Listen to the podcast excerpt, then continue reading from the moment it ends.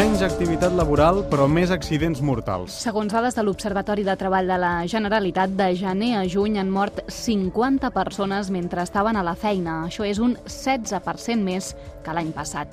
Això dins l'horari laboral i de camí a la feina la dada també és preocupant. Han mort les mateixes persones que ara fa un any, 14, en comptes de disminuir, tal com s'esperaria si tenim en compte que almenys el 30% de les plantilles s'han quedat a casa fent teletreball.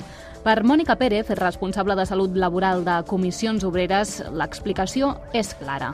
Els accidents mortals són més difícils d'amagar. El número d'accidents lleus, greus, perquè hi ha menys activitat i proporcionalment hi haurà menys gent que s'accidenti. També perquè les mútues i les empreses els oculten, són més fàcils d'ocultar. Els mortals no. Els mortals no, no els poden ocultar.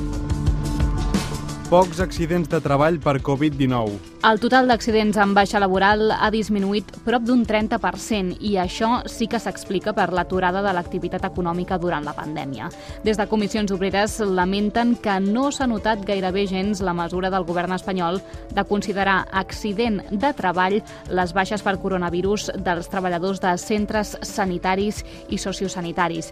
I és que, segons el sindicat, les mútues posen moltes traves a l'hora de reconèixer aquests casos. Per què? Doncs perquè si una empresa registrés molts accidents laborals, correria el risc de rebre una inspecció de treball i es veuria obligada a millorar les mesures de prevenció. En la mesura en què el boli per signar-me la baixa el tingui el metge de la mútua, que és d'una associació privada de la meva empresa, tindré molts problemes per fer el reconeixement.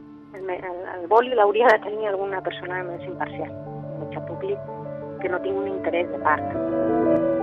Teletreball i riscos per la salut. Un accident al lloc presencial de feina és en general fàcil de detectar, però què passa amb les persones que fan teletreball? Doncs que sovint és molt difícil justificar les baixes, sobretot en el cas de les patologies més comunes com ara lesions musculars, vista cansada o ansietat. Per això la responsable de salut de Comissions Obreres denuncia que aquests treballadors estan més desprotegits no, no es pot discriminar la gent per teletreballar a nivell de, de protecció de la seva salut. S'ha de regular d'alguna manera. Hi ha problemes? Sí, dificultats, però de poder arribar a algun tipus de, de regulació. Des del sindicat confien que el govern espanyol tramiti aviat una llei per regular el teletreball, una normativa que tingui en compte temes com els temps màxims de feina, la conciliació i la desconnexió digital i que, sobretot, estableixi mecanismes clars per prevenir i tractar la fatiga física i mental que suposa treballar des de casa.